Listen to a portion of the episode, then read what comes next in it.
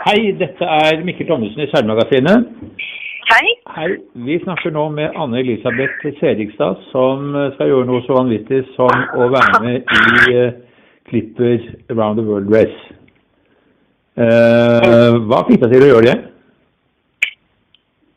Uh, godt spørsmål. Jeg, jeg, har jo en, jeg har ikke seilt så veldig lenge. Dette er tredje sesongen nå. Men jeg har en stund vært fascinert av disse som seiler Volvo Ocean Race. Det har sett veldig kult ut. og så kik, mens jeg kikka på dette her på nett, så kom jeg over en, um, en reklame på Clipper Race. Det sto det var, det var veldig mye vær og ja, mye kul seiling. Uh, og så sto det 'Race by people like you'. Da måtte jeg trykke på pause, og så måtte jeg se hvordan ser disse folka ut. Ja, gud, det ser litt ut som meg. Så da tenkte jeg kanskje det er noe jeg kan oppleve likevel. Så det er egentlig litt sånn tilfeldig, da. Man skal jo ikke spørre en dame om alderen, men hvor gammel er du egentlig? Jeg er 41. Så det passer jo godt å gjøre det nå. Ikke for ung og ikke for gammel? Ikke for ung og ikke for gammel, så noen tror det er en 40-årskrise. Men nei, ja, det passer veldig godt med livssituasjonen min. Å hoppe ut i noe, få noen sjanser, prøve noe nytt. Hvor lenge skal, du, hvor lenge skal du seile? Um, jeg drar ned nå 11. november. Um, regattaen starter fra Cape Town den 17. Og så er jeg hjemme igjen i mars, så det blir uh, ja, ca. 3,5 måneder. Ja, så det er ikke lenger enn at man kan gjøre det ved å ta ferien og kanskje en liten permisjon, så får man uh, seilt så langt? Ja. Det er en kombinasjon av ferie og, og permisjon fra jobb. Så det, det, blir bra. Men du sier at du har ikke seilt så veldig mye før. Hva betyr det? Har du seilt i det hele tatt? Alt er relativt. Uh, jeg sammenligner meg alltid med de som er bedre enn meg. Så en dårlig vane, det. Men uh, jeg er jo med i Bunnefjorden seiltrening. Uh, seiler på båten Diva. Så vi seiler verdensdag. Har vært med på Skagen Race og Hollenderen og hva er den siste? Det er Ferderen. Ferderen ja. Mm. ja, stemmer. Så jeg har jo, jeg har jo seilt litt. Det har jeg jo. Men jeg er ikke sånn Jeg, jeg har jo vokst opp med båt, med motorbåt. Mm. Så seiling var liksom noe som jeg så på sånn, det, var, det var en litt sånn Hva skal jeg si? En litt sånn traustlig Det så ut som sånn lite actionfullt. Samtidig at jeg får prøve dette her, da. Så Det var jo det viste seg å være det motsatte. Hvilke, hvilke avveininger var det du gjorde da du begynte å se på dette? her? Det var, skal jeg jo ikke legge skjul på at det var uh, mye økonomisk som spilte inn her. For det er jo en ganske dyr greie å være med på. Så det, var, det sto veldig om fornuftsfølelser. Skal jeg gjøre dette her? Skal jeg ikke Ja. Og så var det først tenkt at jeg bare skulle være med på ett legg. Det, det, det som går i Sørishavet. Uh, så da Den testen, ja. Så det var, det var fornuft og følelser det var, ja, fornuft og følelser, holdt jeg på Hva heter det? Fornuft og, fornuft og følelser. Mm. Mm, mm. Men følelsene de, de seiret, eller impulsen seiret, og du bestemte deg for å gjøre dette. Og da du har tatt beslutningen, så var det vel en del trening da i regi av Klipper, var det ikke det? Ja, det stemmer. Det er obligatorisk fire uker trening som man må gjennom. Uh, og så er det uh, på slutten av uh, uka så må du liksom vise til at du har minimumskrav av ferdigheter da, for å gå videre til neste treningsuke. Så da har jeg vært i England i fire uker. Fra mars og fram til august. Men vet du nå hvem du skal seile med i den båten? Jeg har møtt noen av dem. Det er fortsatt mange som jeg ikke har møtt. Jeg har møtt uh, skipperen, og så har jeg møtt et par av de som skal være med hele jorda rundt. Just et par andre. Så det er fortsatt mange som jeg ikke har møtt. Så det blir spennende. For det er jo alltid en utfordring med en sånn seilas, at uh, ikke bare skal man kunne seile, men man skal også fungere sammen med dem man er om bord i en liten båt med på det store hav. Mm. Ja, det er en av de tingene som jeg er veldig spent på, hvordan det er. Mm. Du kan ikke hoppe når du er ute der?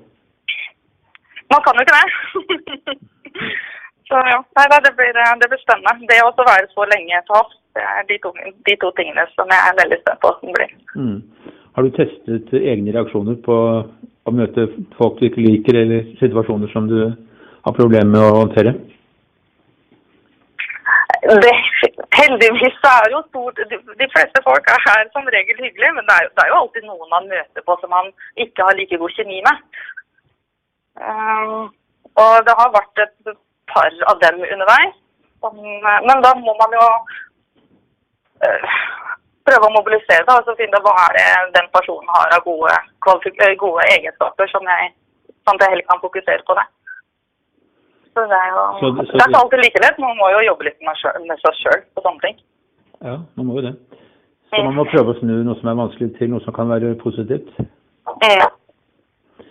Så hjelper det selvfølgelig ikke at man av og til er våt og kald og sulten kanskje, og trett og kvalm og mm. Det er jo mange ting. Det er veldig mye som eh, spiller inn her, ja. Når du har brukt så mye penger på det også, så vil du jo helt det skal være vellykket? I all høyeste grad. Man må jo gjøre det man kan for å bidra til at teamet fungerer bra. For det er jo, hele greia er jo det er jo en teamsport.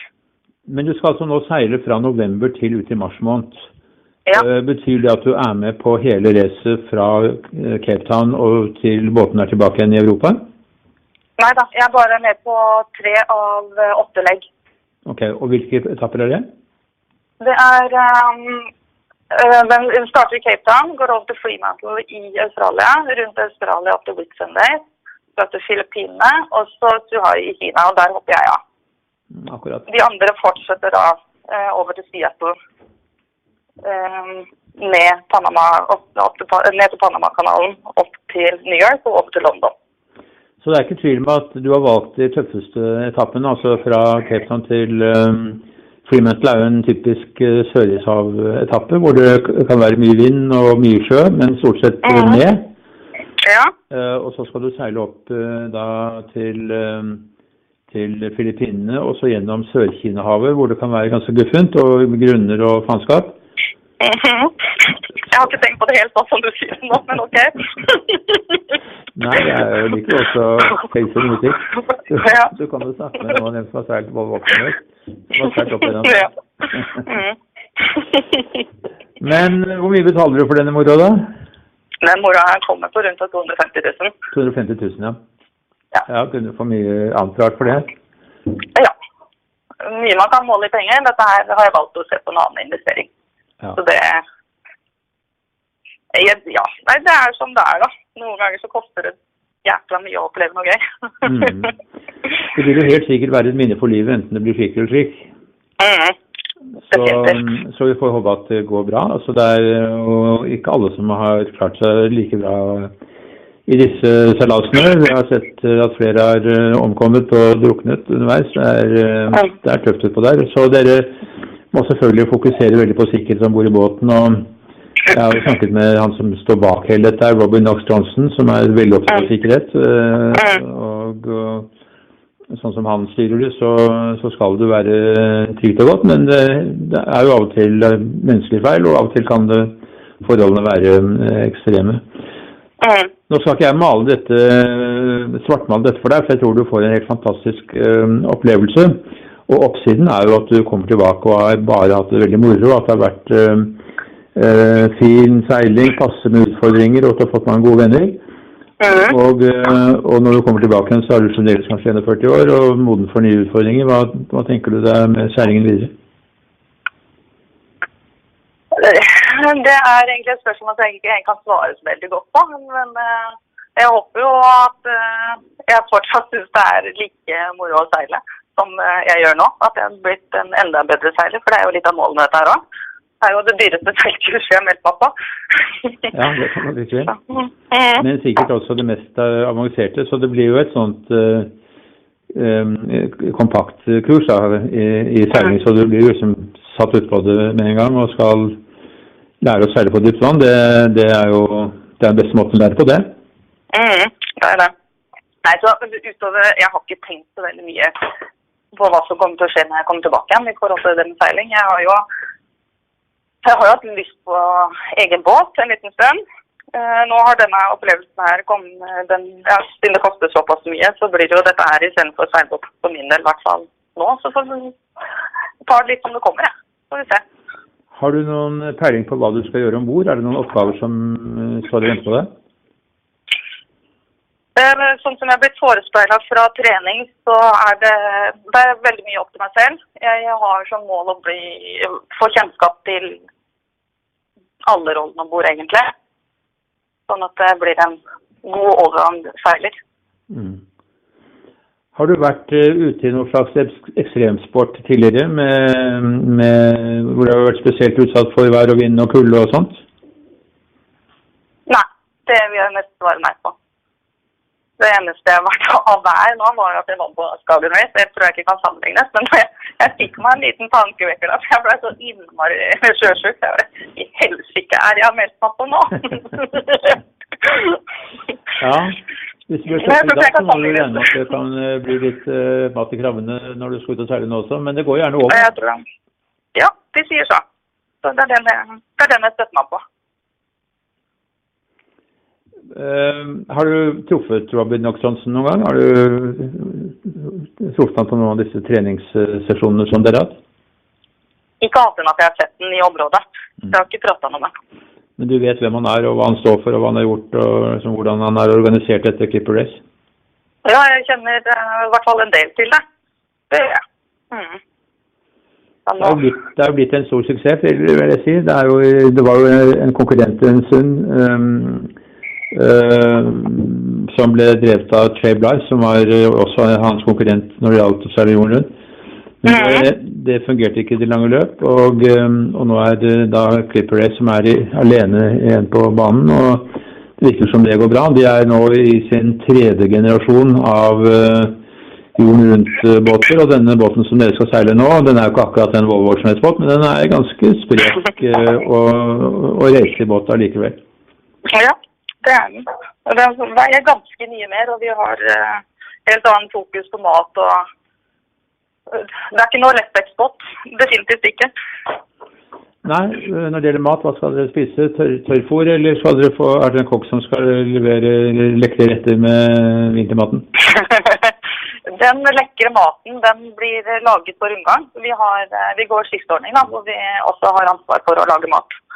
Så det er sånn et døgn av gangen så har vi Mother Watch, som de kaller det. Så da skal vi kokkelere lekre retter. så det skal lages mat, det får ikke bare en kopp med suger? Nei da, det er ikke tørrfôrbasert, den maten der. Mm. Nei, det kan jo være at uh, noen vil misunne deg denne turen. Og um, vi i Seilmagasinet håper å kunne følge med underveis. At du sender oss noen bilder og sender oss noen uh, noen uh, små rapporter som vi kan publisere og, og, skape enda mer interesse for Clipper Race. Det har vært en norsk seiler med tidligere, men det er vel bare én som har vært med, eller kanskje to som har vært med uh, før deg? Ja, det er vel to, vel. Ja. Det er vel to, ja. Har du snakket med dem? Ja, jeg snakka med Stian når det var. Det var er to uker siden da. Så han kom jo fra Fredrikstad til Oslo for å snakke med meg, gi meg tips og råd, så det var jo utrolig kult. Ja. Og det skremte deg ikke noe spesielt, det? Absolutt ikke. Han hadde jo veldig mye positivt og, og morsomt å fortelle. Uh, det som har skremt meg, er jo det som du var inne på tidligere. Dette med, ja, det, det været skremmer meg litt. Da. Vi har jo veldig respekt for, uh, for naturkreftene. Og så er jeg irrasjonelt redd for lyn og torden, så det blir spennende hvordan jeg håndterer det. Um, men uh, vi har jo blitt fortalt uh, litt mer enn kanskje det jeg ønsker å gjøre om disse ulykkene som har vært, dødsulykkene og sånn. Så man skal ha respekt for det som venter. Mm. Det er greit å vite om det også, at man ikke går mm. uforberedt eh, inn i dette og har naivt, uh, naiv oppfatning at dette er, er uh, bare en fløtetur, for det er det jo ikke i det hele tatt. Men nettopp det at det ikke er noen fløtetur, gjør jo selvfølgelig at, at minnene kan bli sterkere. At du sitter igjen og føler at du har at du har anstrengt deg, og at du har flyttet grensene for din personlige tåleevne, og ikke minst eh, når det gjelder seilkunnskaper. Så, så uh, mulighetene for vekst i en sånn seilas er jo veldig store. Ja. Jeg regner med at jeg kommer til å få pusha både mentale og fysiske eh, grenser underveis. Mm. Da gjenstår det vel egentlig bare for Seilmagasinet å ønske deg en riktig god tur. Du reiser altså da om et par uker, og eh, vi kan regne med å se deg igjen i god behold i slutten av mars måned. Og som sagt, eh, send bilder og send rapport når du er i land. Vi vil veldig gjerne følge med på turen din. Og Det skal jeg gjøre. så håper vi at eh, du ikke blir utsatt for noe som du ikke har glede av. Mm. Tusen takk for det. Fint. Takk for praten. Bare hyggelig. Ha det bra. Hei, hei.